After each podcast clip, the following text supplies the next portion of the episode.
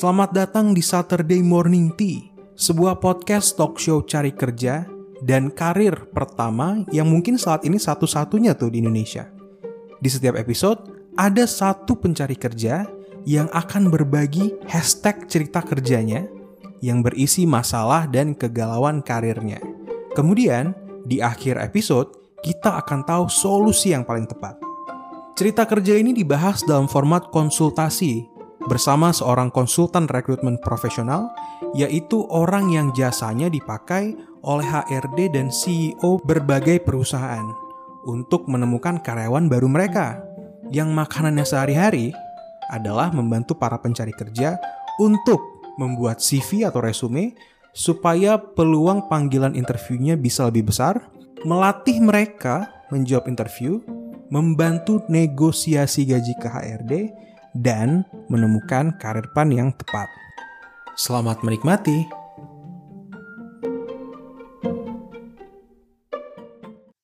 Pagi bang, Pagi. Gimana dari di mana nih sekarang? Eh, masih di rumah sih. Gimana rumahnya? Eh, aku asli Temanggung, Temang- Temanggung Jawa Tengah. Jawa Tengah. Sekarang berarti Jawa Tengah nih. Iya, Jawa Tengah. Gila, gila, gila, gila, gila. Ini lagi ini ya Idul Adha ya? Iya, alhamdulillah. Sehat kan bang? Alhamdulillah, alhamdulillah. Iya, alhamdulillah. Gimana gimana Noh? Apa yang bisa gue bantu Noh? Eh, gini bang, kan aku selesai kuliah itu tahun ini. Hmm, Kemarin Maret sih baru wisuda. Yap. Udah nyoba beberapa kali daftar, cuma kok belum ada yang kesangkut gitu loh. hmm, paling tuh cuma kayak apa ya kemarin sempet tes tes ke beberapa kayak BUMN kan kemarin sempet ada bukaan ada lowongan. Cuma karena covid ini terus eh rekrutmennya jadi kayak batal gitu nggak jadi. Ya benar udah benar. sempet kayak tahap tes psikotes kayak gitu. Terus nyoba yang lain. Kemarin sempet tes kayak di beberapa startup tapi kok ya masih belum kesangkut lagi sih bang kira-kira. Apakah karena salah satu faktornya tuh dari CV saya kayak ada yang salah apa ada yang kurang kayak gitu soalnya kan Oke. background background saya sendiri itu kan eh, jurusannya tuh ilmu pemerintahan gitu loh bang Hmm, hmm, hmm. nggak nggak yang kayak ekonomi apa apa yang familiar familiar gitu Oke. Gini, eh, Nov, sebenarnya perusahaan itu nggak mengkonsiderasikan satu kandidat untuk join bukan karena bukan hanya karena majornya atau jurusan kuliahnya. Itu mungkin salah satunya gitu kan. Cuman yang paling penting adalah skillnya sih. Nah, skillnya itu kita nggak bisa tahu kalau misalnya skill itu belum dipraktis, belum dilakukan, belum diimplementasikan gitu. Kalau untuk orang-orang fresh graduate, biasanya itu pasti magang atau organisasi atau buat event atau apa pun itu gitu. Karena gini, recruiter tuh ngerti kalau misalnya fresh graduate masih belum punya banyak apa namanya uh, pengalaman pengalaman gitu. Jadi we expect memang fresh graduate masih belum punya pengalaman dan dari situlah dari pengalaman-pengalaman organisasi lah dipakai gitu kan. Nah, kalau misalnya pun Novi berada maksudnya majornya sebagai seorang lulusan ju- ilmu jurusan pemerintahan, kalau misalnya Novi apply ke startup-startup yang nggak ada hubungannya, itu nggak apa-apa asal Novi punya pengalaman yang mereka butuhkan. Gitu. Nah, mungkin selama ini, selama ini gimana? Apakah uh, dari dari skill-skill yang mereka butuhkan, Novi mempunyainya nggak kira-kira? kan biasanya kayak ada yang dari kualifikasinya semua jurusan bisa mendaftar Oke, Terus, benar-benar. skill bahasa Inggris biasanya kan kayak gitu terus sama aktif di beberapa organisasi kebetulan ya alhamdulillah aku emang dari SMA gitu bang udah aktif terus ya kan banyak banget ya gue lihat tadi. ya emang udah, udah dari sananya udah seneng cuma kan kayak yang aku bingung kan kata abang ada yang harus ditonjolin salah satunya tuh Yes. Nah, yang kadang tuh kan kalau misalnya kan waktu awal-awal kuliah kan juga ibaratnya kita masih junior ya, kan nggak mungkin langsung kayak yang posisi atas-atas kayak gitu kan. Itu kan kita cuma jadi kayak staff-staff aja, nggak belum bisa jadi penanggung jawab beberapa. Nah, Oke. tapi ketika SMA kan, eh, alhamdulillah jadi ketua osis tuh. Nah, Hmm, menurut aku tuh kan kayak kalau ketua itu kan pangkatnya lebih agak tinggi daripada kayak staff biasa. Betul. Tapi itu kan pengalaman lama. Jadi kira-kira yang akan ditonjolkan itu yang pengalaman baru, tapi masih kayak posisinya biasa aja, atau yang lama tapi tinggi kayak gitu loh bang. Yang, yang aku bingung juga di situ. kalau pertanyaan itu gini deh. Kalau misalnya sebagai ketua OSIS, itu levelnya gimana? Level hanya sebatas SMA gitu. Iya. Walaupun ada event-event yang antar SMA gitu. Cuman tetap aja Iya. orang-orangnya masih SMA. Ketika kamu naik eh, ke lanjut ke kuliah, kamu pegang event, kamu buat organisasi, kamu manage organisasi, levelnya level kuliah gitu. Dan kalau misalnya kamu pun apa namanya eh, berhasil di sana, kamu aktif di sana, kamu bakal mengkumpulkan universitas-universitas di di Jakarta atau di Indonesia gitu kan. Nah itu lebih lebih tinggi Iya. sih. Jadi that's why Nov, semakin tinggi ininya, semakin tinggi apa namanya levelnya itu semakin harus kita tonjolkan gitu. Walaupun memang Novia pernah, Novita pernah di ketua OSIS, tapi yang lebih ditonjolkan yang di universitas kalau menurut gue. Karena kenapa? Scale-nya beda, scope-nya beda gitu. Gitu sih. Oke. Cuman di, di, di kuliah kemarin ah, ikut juga kan banyak organisasi kan, banyak event. Iya, Hmm. lumayan sih Bang, lumayan banyak. Ada yang se-Jogja juga, ada yang nggak sejurusan se-Indonesia gitu juga. Oke, oke, oke. Itu Cuma Nah, kayak antar jurusan. Gini deh, Novita apakah ada satu lowongan kerja yang pengen yang yang apa namanya yang pengen kita coba gitu.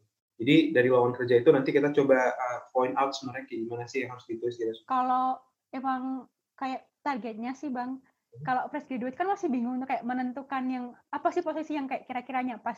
Nah, kebanyakan aku melamarnya juga di ini kayak MT, manajemen trainee gitu. Yang pokoknya yang trainee-trainee gitulah. Soalnya kan kalau biasanya yang menu apa ya, yang menerima semua jurusan itu kan kalau yang di finance kayak gitu. Tapi kan basicnya aku sendiri nggak ada kayak gitu. Pengalaman magang pun cuma kayak sat- satu dua bulanan di kayak dinas sosial itu aku ada. Gak masalah sih. Gini gini, Nov. Gue kasih tahu ya, dari kemarin gue melakukan uh, resume review, bahkan dari minggu lalu, itu banyak banget orang-orang yang daftar MT. Ya. Serius, serius. Bukan berarti uh, kita nggak capable untuk daftar MT. Kalau misal kita lihat probability, semua orang, semua fresh graduate itu daftar di MT. Lo bayangin deh, berapa banyak aplikasi yang masuk ke sana. Iya.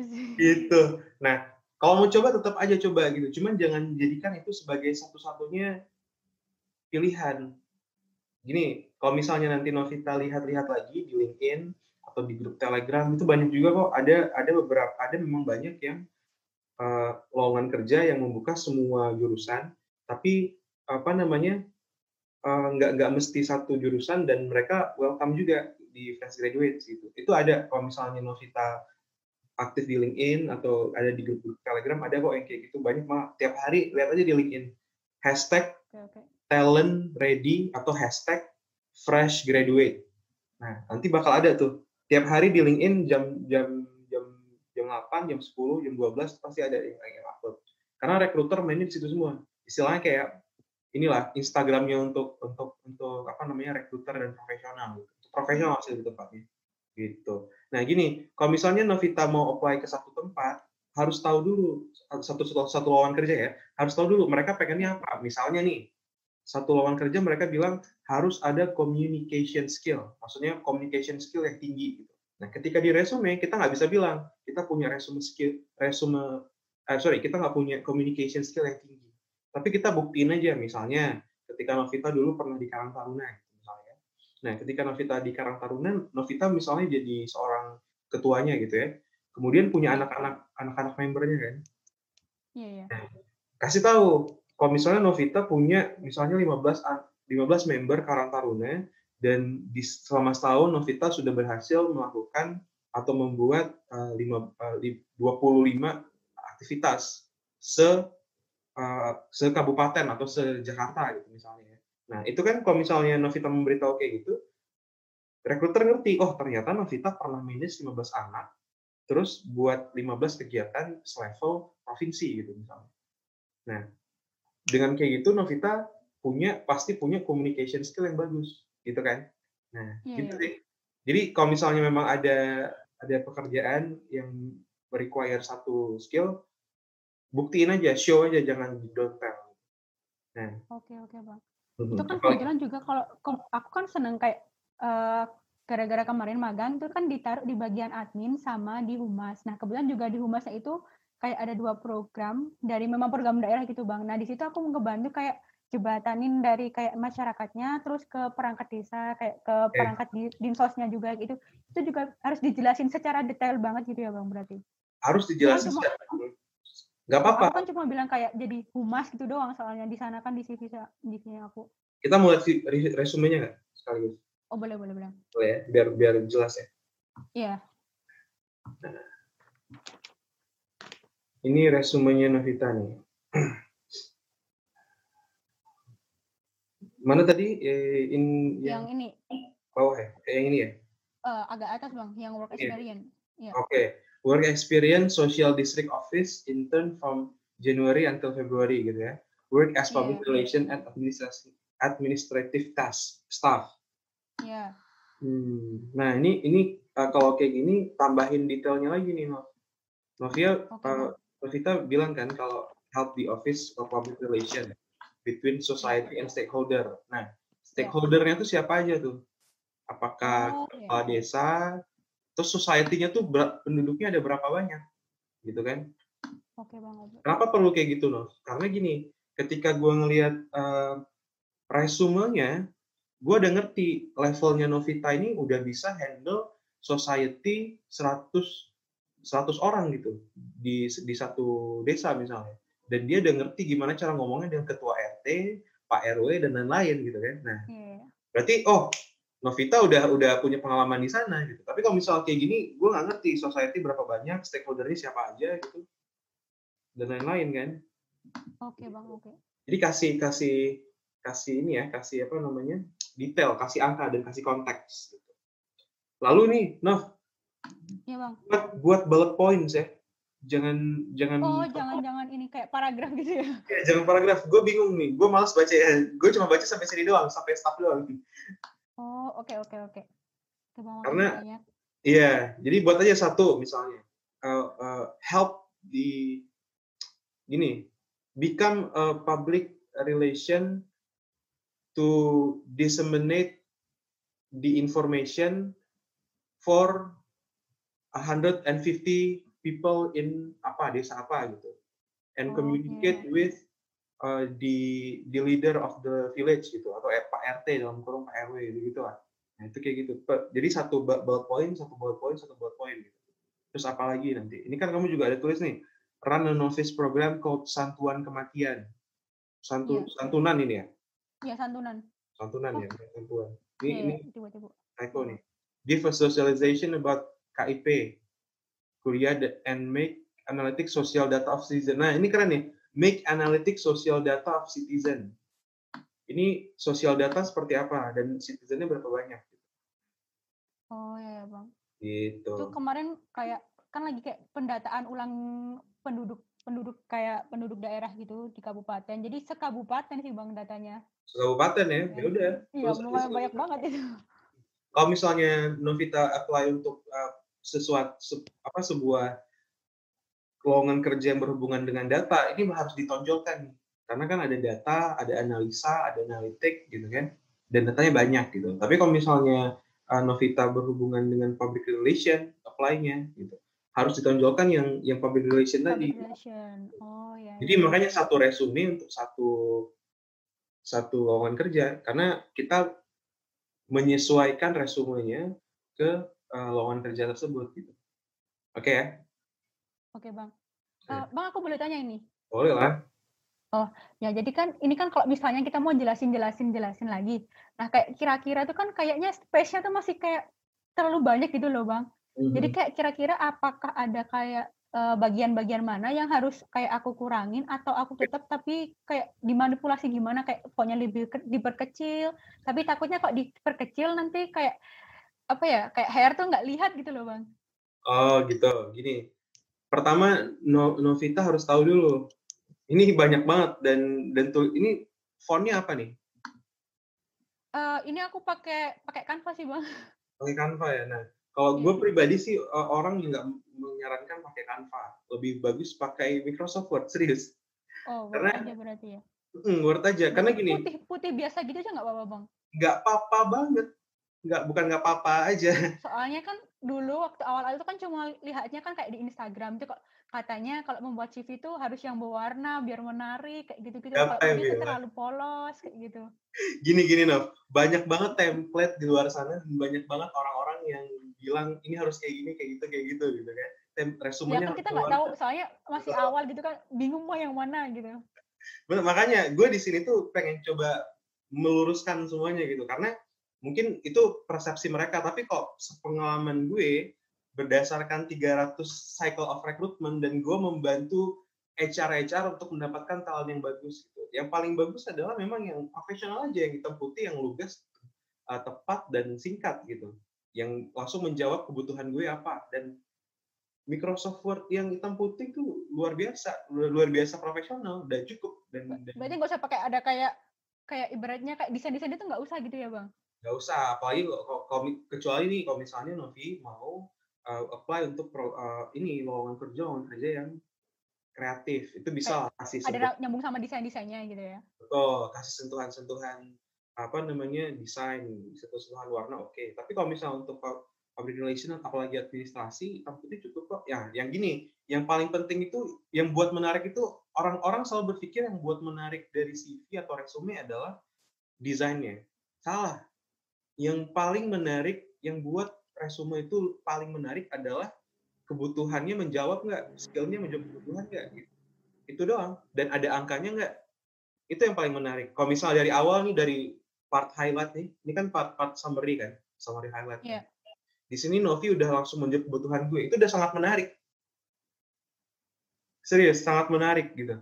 Misalnya gue butuh uh, uh, apa ya junior recruitment yang yang ngerti gimana caranya uh, handle orang-orang dan influence orang gitu.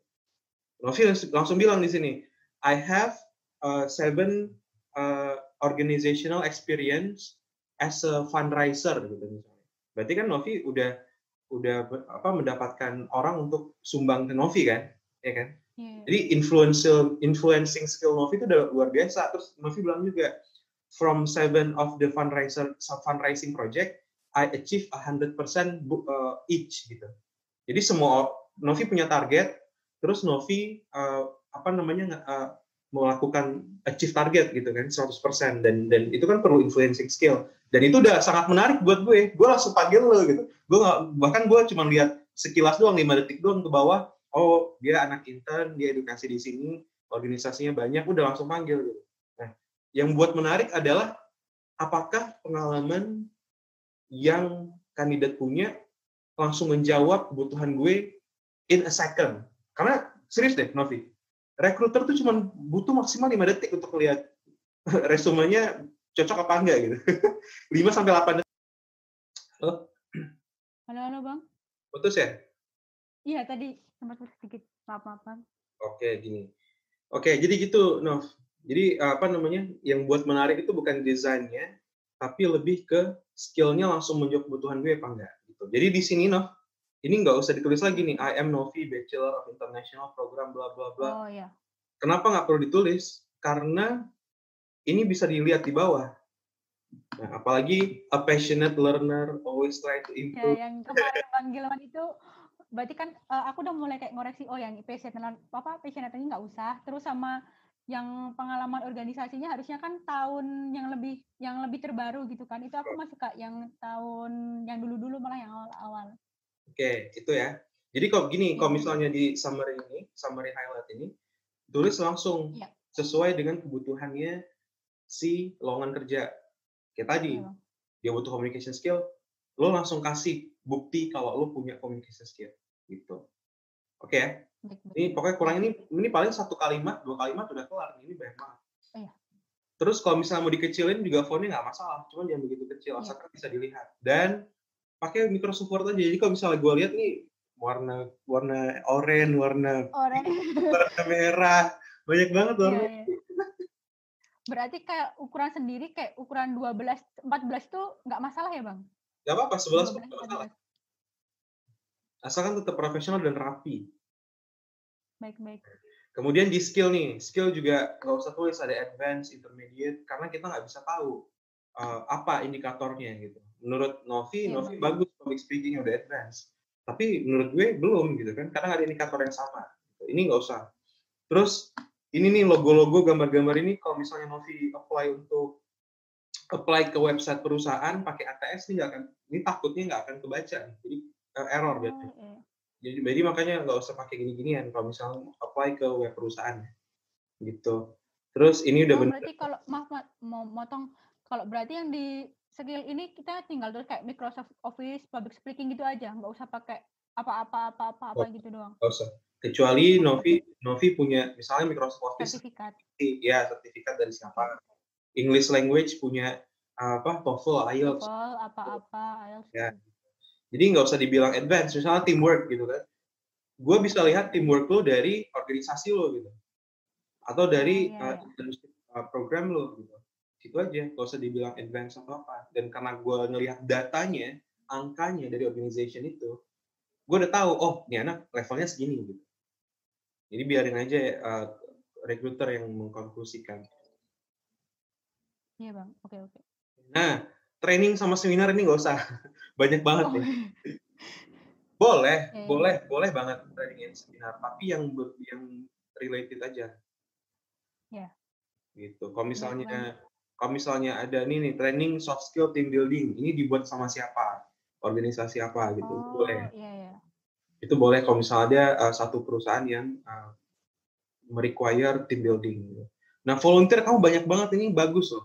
Cuman pilih aja Bagus. 2 sampai 3 yang kira-kira yang kira-kira apa namanya?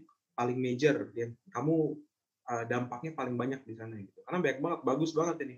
Cuman kalau misalnya hanya ditulis saja, di list saja volunteernya, gue pertama bingung ini apaan, kedua gue nggak tahu konteksnya apa nih. Gitu. Mending Oh, pilih iya, aja iya, tiga, tiga sampai lima lah yang benar-benar uh, dap- berdampak gitu. Ini dirubah ya nanti Iya ya. Iya bang, siap siap. Oke, oke. Nih, kalau bisa juga mau- satu ini Ya, dulu, gimana? satu ini aja. Misal work experience nih, satu aja. Karena kalau misal Ya. gue lihat kayak gini, fokus gue kepecah. Gue mau lihat work experience dulu apa mau lihat skill dulu ya? Gitu. Oh ya, berarti kayak merata aja gitu ya. Merata aja, merata aja. Baik Jadi, baik. Work experience ini paling cuma 3-4 baris, udah kan habis itu langsung. Oh ya, pertama education dulu karena kamu fresh graduate kan. Education, Oh iya. Habis itu work experience, habis itu organization, habis itu leadership atau volunteer activity, baru tuh skill, training, seminar, dan lain-lain. Itu satu ini juga bisa, satu halaman juga bisa. Iya. Banyak PR-nya nih Eh, kayaknya. Iya. lumayan lumayan lumayan nggak apa-apa sih. Gimana lagi? Terima kasih banget bang. Eh, sebenarnya ada kayak pertanyaan yang bingung kayak kita kan merasa kayak apa ya fresh graduate itu masih kayak kira-kira perusahaan mana sih yang pas sama kita?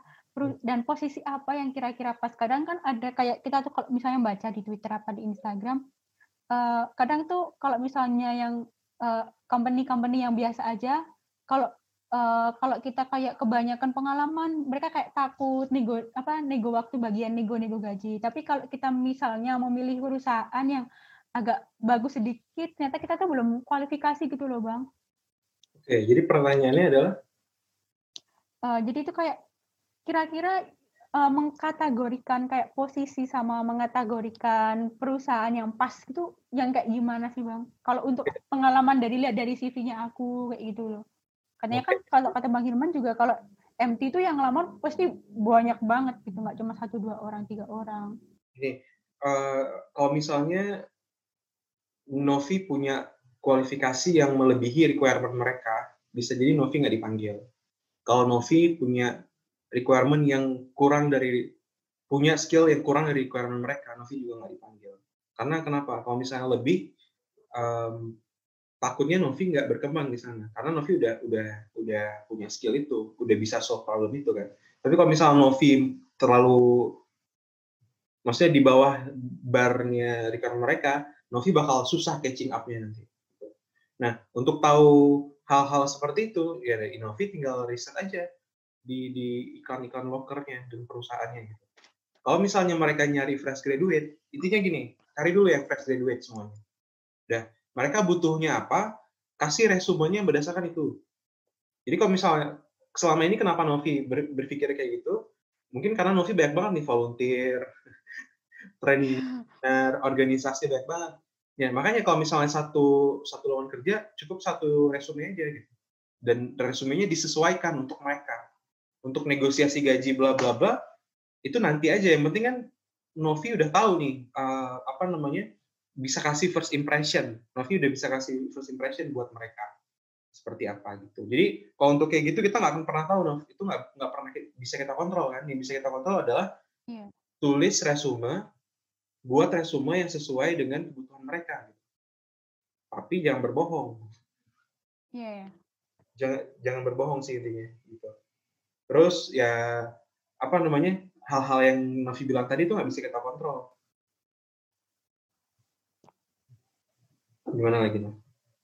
Oh ya Bang, yang masalah apa yang cari kerja di LinkedIn itu, hmm. itu nanti bakal dibahas bareng-bareng apa apa gimana gitu Bang? Nanti kita bahas. Soalnya kan aku masih ya masih baru pakainya juga. Kadang masih bingung kok cari kerjanya kan uh, yang kemarin Abang list yang kayak di web portal itu itu itu email gitu kan. Nah itu memang kebiasaan yang apa ya yang aku sendiri lakukan tuh ya cuma kayak poin satu dua tiga doang kayak gitu ya.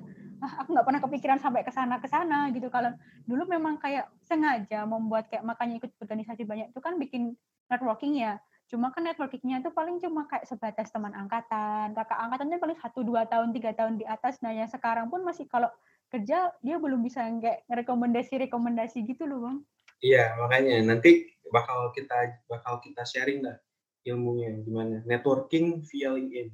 Networking basically cuma nambahin teman sih. Nambah teman, yeah. cari teman, terus gimana cara buat teman itu uh, membantu kita dan kita membantu dia juga. Gitu. Oke deh. Nanti berarti next uh, ini ya revisi uh, resumenya ya. Nanti yeah. uh, let me know gimana. Pokoknya catat semua yang tadi, terus buat yang benar. Yeah satu dua satu dua halaman kayak gini masih nggak apa-apa kan ya bang kayak masih ya nggak masalah maksimal kan kalau resume jangan jangan lebih dari dua gitu iya karena bukan bukan karena kenapa kenapa bukan kenapa kenapa gitu karena memang itu terlalu panjang dan takutnya nanti bosen si rekruternya ini kenapa panjang banget yeah, yeah. butuhnya cuma ini dia taruhnya kebanyakan gitu. nah kalau bisa nih Novita cari satu lowongan kerja yang fresh graduate yang kira-kira Novita tertarik di sana terus kita coba benar-benar buat resumenya untuk si lowongan kerja itu. Kemarin sih emang dari dosen juga ada yang nyuruh yang itu loh bang, yang kemarin di share di grup juga yang dari Kemenlu. Oke. Okay. Itu kayaknya aku juga mulai tertarik itu kan kayak masih ada hubungannya dengan apa ya jurusannya aku juga gitu loh bang. Oke, kalau Kemenlu itu uh, gimana tuh? Maksudnya apakah itu seperti maksudnya yang open application yang sampai 8 tahap, 10 tahap itu? Uh, kemarin sih kayak uh, baru di kalau kemarin aku baca kayak pembukaan untuk pendaftaran dari tanggal 1 sampai tanggal tiga akhir bulan pokoknya bulan ini aja. Belum belum membaca yang detail banget sama sih kayak mencari nyari informasinya juga. Sama kualifikasinya kan di sana disebutin kayak jurusan ini jurusan ini aja gitu bang. Oke boleh boleh. Nanti kita coba. Iya bang. Oke? Okay? gitu. ya ya thank you so much ya sama-sama. Ya Yo. Yo.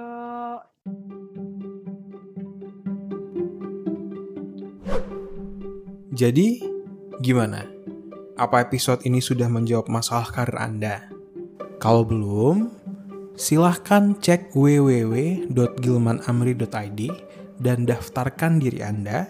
Siapa tahu cerita kerja Anda yang akan dipilih untuk episode selanjutnya. Oh ya, satu hal lagi nih. Gimana kalau sekarang kita bagikan channel ini ke teman-teman yang lagi cari kerja atau punya masalah kerja? Siapa tahu mereka terbantu dari konten-konten yang ada di sini. Sama-sama kita memberi manfaat ke lebih banyak orang. Kita plus satu kebaikan hari ini.